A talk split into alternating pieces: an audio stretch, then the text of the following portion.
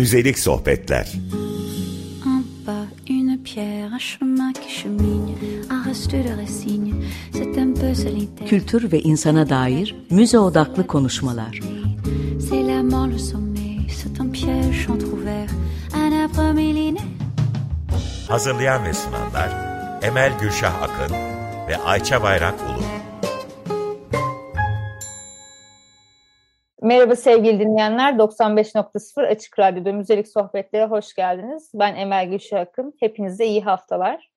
Bu bölümün içeriğini anlatmadan önce bize ulaşabileceğiniz Twitter adresini söylemek istiyorum. At Ancient Things kullanıcı adından ya da arama çubuğuna Müzelik Sohbetler yazarak Twitter hesabımıza ulaşabilirsiniz. Aynı zamanda thisisstudio.com e, slash blogdan da blog yazılarımıza ulaşabilirsiniz. Ee, geçtiğimiz hafta e, müzelik sohbetlerine yani bundan bir önceki bölümde Gökçe Büyük Mete ile göç olgusunun müzelerde nasıl görünürlük kazandığından, konuyla ilgili müzecilik alanındaki önemli gelişmelerden ve Türkiye'deki göç müzesi örnekleri üzerinden e, bazı güncel tartışmalardan bahsettik. E, bu bölümde ise artık e, biraz daha yakın tarihe ya da daha da uzak bir tarihe böyle milyonlarca sene öncesine de gideceğiz bakış açımıza bağlı olarak. Ee, Instagram'da Naturalista TR olarak bildiğimiz ve e, kendini daha doğrusu hesabını doğa bilimleri, doğa tarihi müzeleri hakkında bir insta blog olarak açıklayan e, Sayın Gönenç Göçmengil bölümde konuğumuz. Hoş geldin Gönenç. Hoş bulduk. Teşekkürler Gülşah. Ee, biraz kendinden bahseder misin bizi dinleyecek olanlar için? Tabii ki hızlıca bahsedeyim. Ee, ismim Gönenç Göçmengil. Aslında jeoloji mühendisiyim. 2009 yılında lisans eğitimimi 9 Eylül Üniversitesi'nde bitirdim. Sonra 2008 yılında İstanbul Teknik Üniversitesi'nde doktora çalışmasını tamamladım. Genel olarak işte jeoloji konuları, jeokimya, analiz işleriyle ilgileniyorum, analiz sistematikte. Ama bunun yanında da işte doğa tarihi müzeleri, bilim tarihi konularıyla da ekstra olarak ilgileniyorum. Doğa tarihi ile ilgili genelde doğa tarihi müze ve koleksiyonları üstünde çeşitli tasnif ve düzenleme çalışmaları yaptım geçmişte. Bu koleksiyonların tarihi ve oluşumu hakkında da çeşitli makaleler yazdım. Hali hazırda da işte doğa tarihi müzeleri, işte doğa biliminin alanları ve farklı bilim disiplinleri arasında ufak tefek bağlar kurmaya çalışıyorum. Yarı hobi, yarı iş olarak. Genel olarak kendimi böyle tanıtabilirim. Çok e, ucu bucağı olmayan bir konu aslında. İnsanlık tarihinden önce dünya tarihinin böyle bayağı materyal olarak olduğunu düşünürsek e, doğa tarihi müzeleri de çok büyük bir e, hem mekanı hem de zamanı anlatan müzeler e, özleri itibariyle. Ama ben en en kökeninden ya da işte insanın ihtiyaç duyma kısmından sormak istiyorum başlamak için.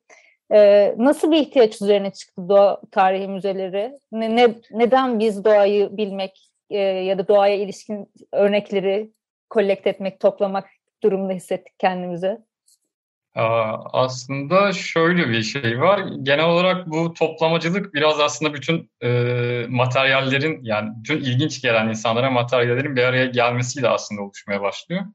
E, bunları eskiden işte arkeolojik örneklerinde, antropolojik örneklerinde ya da farklı doğa tarihi örneklerinde bir arada olduğu Cabinet of Curiosities ya da işte Wunderkammer denen yani merak odaları kabineti denen alanlarda doğa bilimlerin materyalinin toplanmasıyla biraz, biraz başlıyor.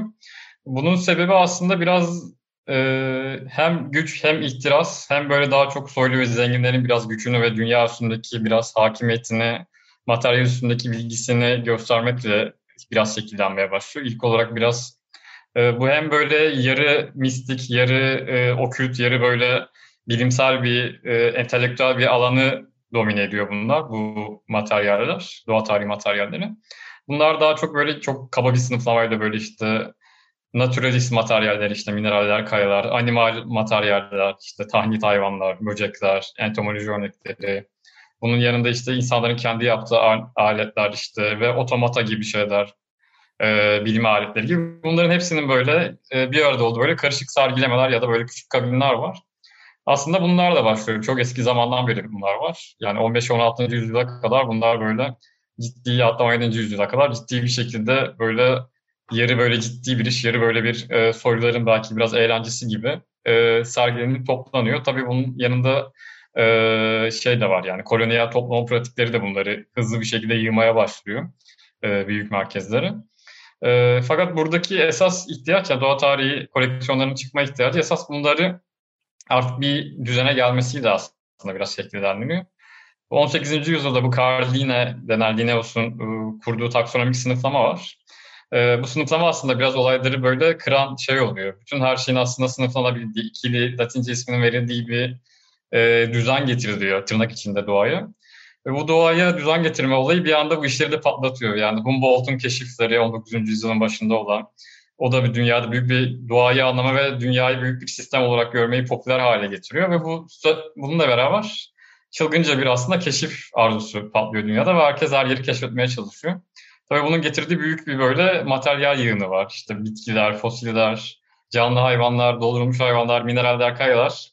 Bunların hepsinin e, tabii konulacağı bir yer olması ihtiyacı hissediyor ve o sırada hem böyle dini olumlayan bazen de karşı çıkan bir şekilde dinin sanki böyle e, karşılığı gibi bazen onunla da kardeş giden böyle bir doğa bilimi katedralleri oluşturuluyor tırnak içinde.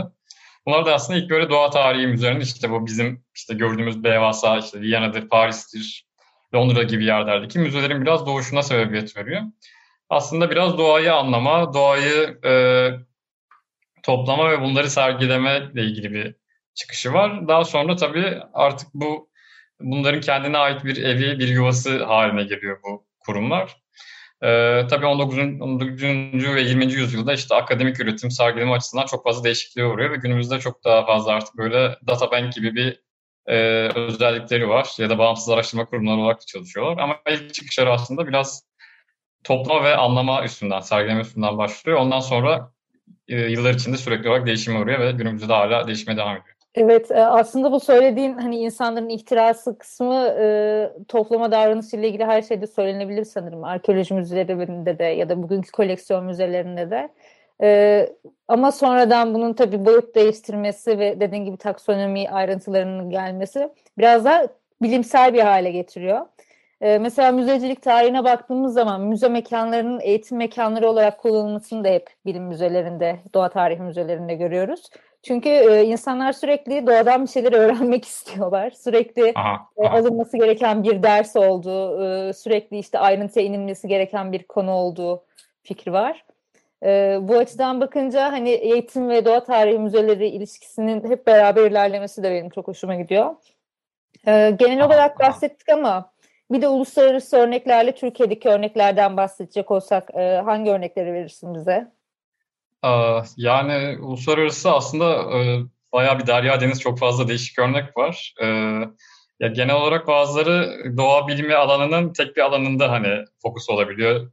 Efendim, e, örneğin mesela Biyoçeşitlilik Müzesi, bazıları Jeoloji Müzesi, atıyorum bir fosil etrafına gelişmiş bir mamut müzesi, işte mineral müzesi gibi çok farklı değişik örnekleri var. Tabii bunun dışında böyle daha böyle ulusal hatta uluslararası niteliği olan devasa yerler var. İşte Paris, Doğa Tarihi, Berlin, Londra, Frankfurt gibi daha Avrupa müzeleri var. Daha böyle klasik böyle mimariye sahip böyle 200 senelik gibi müzeler var. Bunun yanı sıra daha böyle Amerika'da olmuş. İşte New York Müzesi, Chicago Field Museum bayağı ilginç bir yer. İşte San Francisco Müzesi gibi yerler var. Bir de Smithsonian'ı da örnek vermek gerekir. Ee, bunlar daha çok böyle doğa tarihinin bankaları gibi aslında çalışıyorlar. İçlerinde bazılarının milyonlarca örnek var. Mesela Smithsonian'da yanlış hatırlamıyorsam 90 milyona yakın örnek var. İşte Londra Doğa Tarih Müzesi'nde 80-90 milyon örnek var. Ee, tekil örnek olarak. Ya bunların hepsini dijitalleştiriyorlar. Bunları büyük database'ler oluşturuyorlar şu anda. Artık böyle projeler başladı. Ee, dünyada genel olarak hani e, böyle bölgesel böyle dev müzeler var. Tabii her şehirde de böyle ufak tefek minik konsept doğa tarihi müzeleri bulunabiliyor ama en görkemlileri genel olarak bunlar. Bunlar bir de aynı zamanda işte hem biyoçeşitliliğin hem böyle e, zoolojik örneklerin, bitki örneklerinin biraz database'i gibi. Bunları saklıyor, koruyor, gerektiğinde ortaya çıkarıyor. Yani böyle bir devasa arkada hacimler var ve aynı zamanda onları da araştırmaya da yarayan yerler. Tabii sergi konseptlerini anlatmıyorum. Onlar da kalıcı ve böyle değişen sergiler halinde değil şey yapıyorlar. E, devinim halindeler sürekli. Yani uluslararası örnekler böyle. Kabaca. Ee, Türkiye için daha da kısa bir açıklama olacak herhalde. ya Türkiye'deki açıklama işte aslında ben Türkiye'deki açıklamayı böyle biraz geçmişiyle ilgileniyorum. Yani yani 20. yüzyıldan önce ne oldu kısmı benim ilgimi çeken bir alandı. Biraz bu konuda kendim biraz araştırmaya bir şeyler yazdım çizdim. Ee, ama aslında Türkiye'de doğa tarihi müzesi kurma girişimlerinin tarihi bayağı eski. 1830'lu yıllara kadar başlıyor. Burada bir Mektebi Tıbbiye Şahane içinde minik bir müze kuruluyor eğitim amaçlı. Sonra o 1840'larda bile devam ediyor. Birkaç kere yangına uğruyorlar. 1870'te devam ediyor yeniden kurulma. Yani Osmanlı'da aslında böyle ufak tefek birçok doğa tarihi kurma, müzesi kurma girişimi var. Ee, şimdi Türkiye'de günümüze baktığımızda da aslında ben bir genel bir istatistik çıkarmaya çalışmıştım. Böyle Türkiye'de 90'a yakın böyle aslında doğa bilimiyle alakalı, doğa tarihi demeyeyim, doğa bilimiyle alakalı böyle küçük küçük böyle müze alanı var. İşte jeoloji, işte botanik, zooloji, işte paleontoloji, herbaryum gibi ufak tefek birçok yer var. Ama hiçbiri böyle bu hacimlerde değil. Birçoğu böyle sergi halinde. Kendi araştırmasını birçoğu yapamıyor. Ya da diğer alanlarda konuşmuyor ya da ya kendi alanındaki ileride de konuşmuyor. Tamamen böyle kişilerin ya da böyle bir üniversitenin ya da bir kurumun şeyinde kalmış, bir köşesinde kalmış yerler olarak varlar. Ama bunların dışında e, dört tane bence yer önemli. Biri Meta'nın Tabiat Tarihi Müzesi. Yani hep böyle şey yani bazen eleştiriliyor ama böyle bir hacim ve şey olarak, varlık olarak en eski yerlerden biri. O yüzden jeoloji ağırlıklı müze aslında. Doğa Tarihi Müzesi demek biraz şey belki biraz e, kapsamını aşıyor ama çok güzel, anlamlı bir yer. Ve Ege Üniversitesi'nde bir tabiat tarihi müzesi var. Orası cidden kendi çalışmalarını yapan e, sergi alanı düzgün bir yer. İşte Kemaliye'de Ali Demirsoy'un Doğa Tarihi Müzesi var. Çok doğuda olması ve Ali Demirsoy'un kendi kurmasıyla bence e, çok önemli, güzel bir girişim. Yani küçücük bir il, ilçede böyle güzel bir minik orta ölçekli bir doğa tarihi müzesinin olması. Bir de benim favorim San Jose'deki Doğa Bilimleri Merkezi var. Orası da çok antika bir koleksiyon ama o orası cidden doğa biliminin her alanına e, ufak ufak değen böyle çok küçük bir alanda ama çok böyle kıymetli ve güzel bir koleksiyon alan bir merkez. E, e, Türkiye'de aslında böyle birkaç alan var. Böyle sürekli de böyle yıllar içinde kurma girişimleri olmuş doğa tarihi müzeleri. Genelde hep böyle başarısız olmuş maalesef. Ama Türkiye'de bir aslında bu popülerliği var yani böyle. E, ama hani nedense hep böyle bir e, bir şekilde olmamış. Hep böyle bir yere gelmiş ve kalmış. O yüzden herkes çok bu konuda çalışan herkes çok küskün ve e, bıkkın diyeyim böyle. Genel bir şey var bu konuda. Kime dokunsanız hocalara bir ağaç işitirsiniz. E, Türkiye'deki örnekler genelde böyle. E, güzel birkaç yerimiz var. Keşke her yerde de olsa diye e, ümit ediyorum. Ya ben kendim hatırlıyorum. E, ben lisansımı Eskişehir Osman Gazi Üniversitesi'nde okudum ve bizim bölüm tarih bölümü binasında zooloji müzesi vardı. Zooloji Müzesi Çok dediğinde 4-5 tane kapalı cam e, şeyin içerisinde Aha. iğnelenmiş e, kanatlı canlılar hani ne olduklarını bilmiyorum hatırlamıyorum bile. Ama sorduğun zaman üniversite müzesi olarak geçiyordu. Evet ya böyle işte çok fazla alan var. Ama işte hani ben yani birçoğu sergi aslında ve hani şey hani bazılarının yasal sözüsü bile yok ama işte hani birileri bir şeyler yapmaya çalışmış ama hep böyle yarım kalmış. Böyle çok fazla hani ufak tefek hikaye var her yerde ama. Ee, peki benim aklımda olan e, bir böyle biraz daldan dala atlamalı soru olacak gibi ama çok merak ediyorum ben bunu.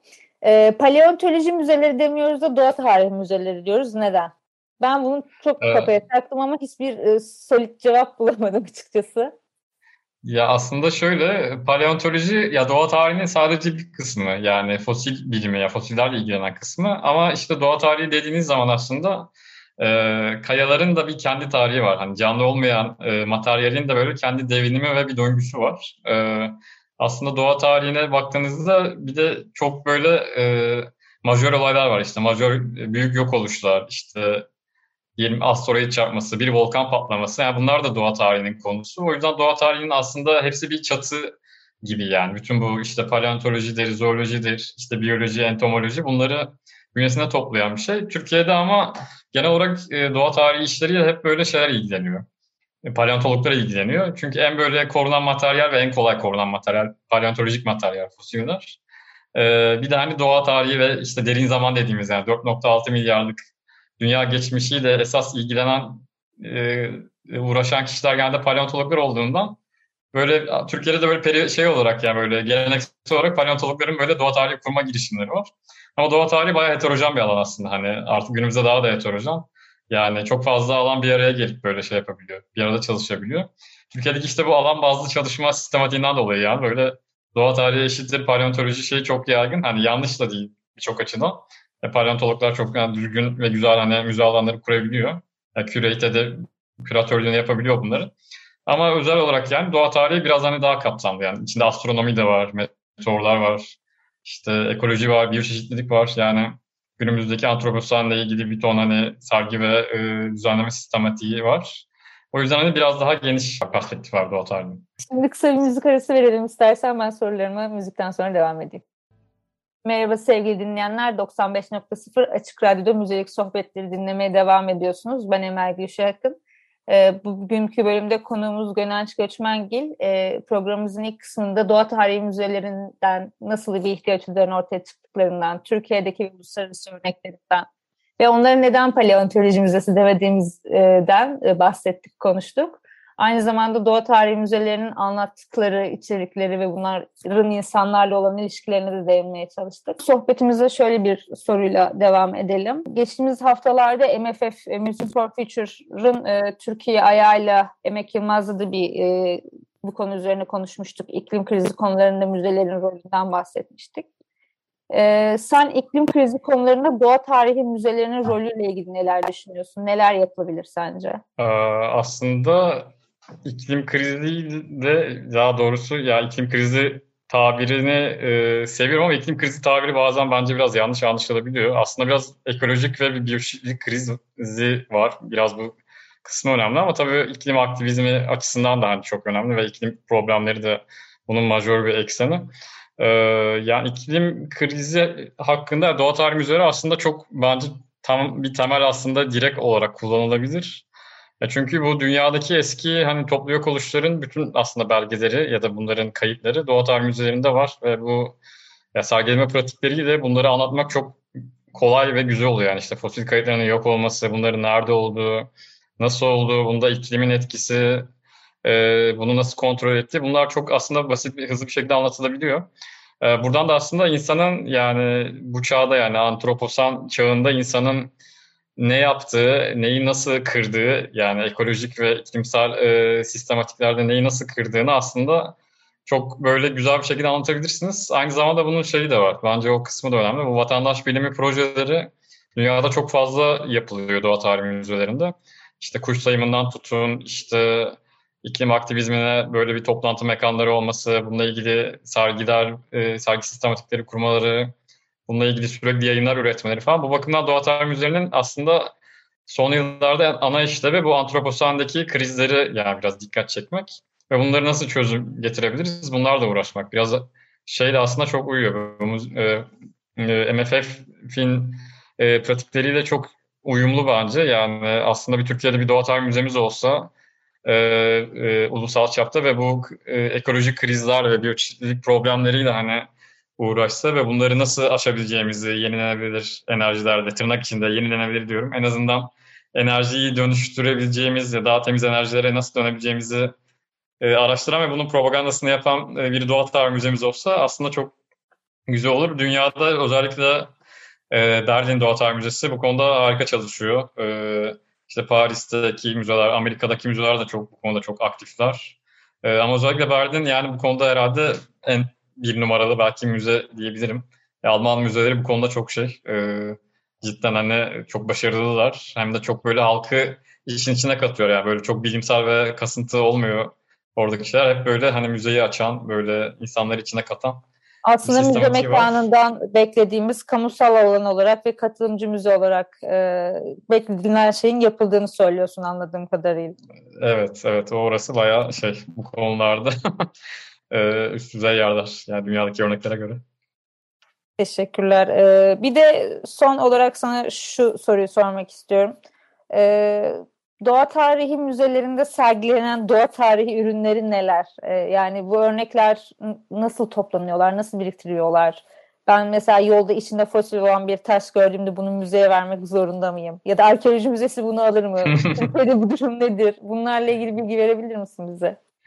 Aa, evet çok şey yani e, sürekli e, bizi bazen güldüren bazen üzen böyle ya beni en azından bir şey. Yani işte sürekli böyle gazete haberleri vardır işte evinin duvarında işte 170 milyon yıllık fosil buldu falan. İşte görenler şok oldu. Tadında böyle sürekli hani haberdar hani e, okuruz ve böyle aslında hani Türkiye ya dünyada da Türkiye'de de hani bazı fosiller ya da bazı mineraller ya da bazı doğa tarihi nesleri çok yaygındır. Ama hani genel olarak hani insanlar bunları bilmediği için e, büyük bir heves ve hani heyecanla e, ya da meteor bulmak yani çok fazla meteor bulduğunu düşünen de insan oluyor Türkiye'de. Ya sayısına inanamazsınız. Ben bile hani onlarca kişiyle hani konuştum. Belki yüzlercedir. Ee, yani şey e, ya bunlar genelde hani dediğiniz gibi şeye gidiyor. Ya bölge müzelerine, şehir müzelerine gidiyor. Hani bir, bence götürülmeli de belki hani cidden merak ediyorsanız bir üniversite bölümüne. Ama legal olarak aslında bir e, müzeye götürülmesi gerekiyor e, kağıt üstünde. Ve orada insanların hani bunları tanımlayıp şey yapması gerekiyor. E, işe yararsa bunları hani kayıt altına alması, belki depolarına almaları gerekiyor ama öyle bir depo hacmi de yok çok yerde.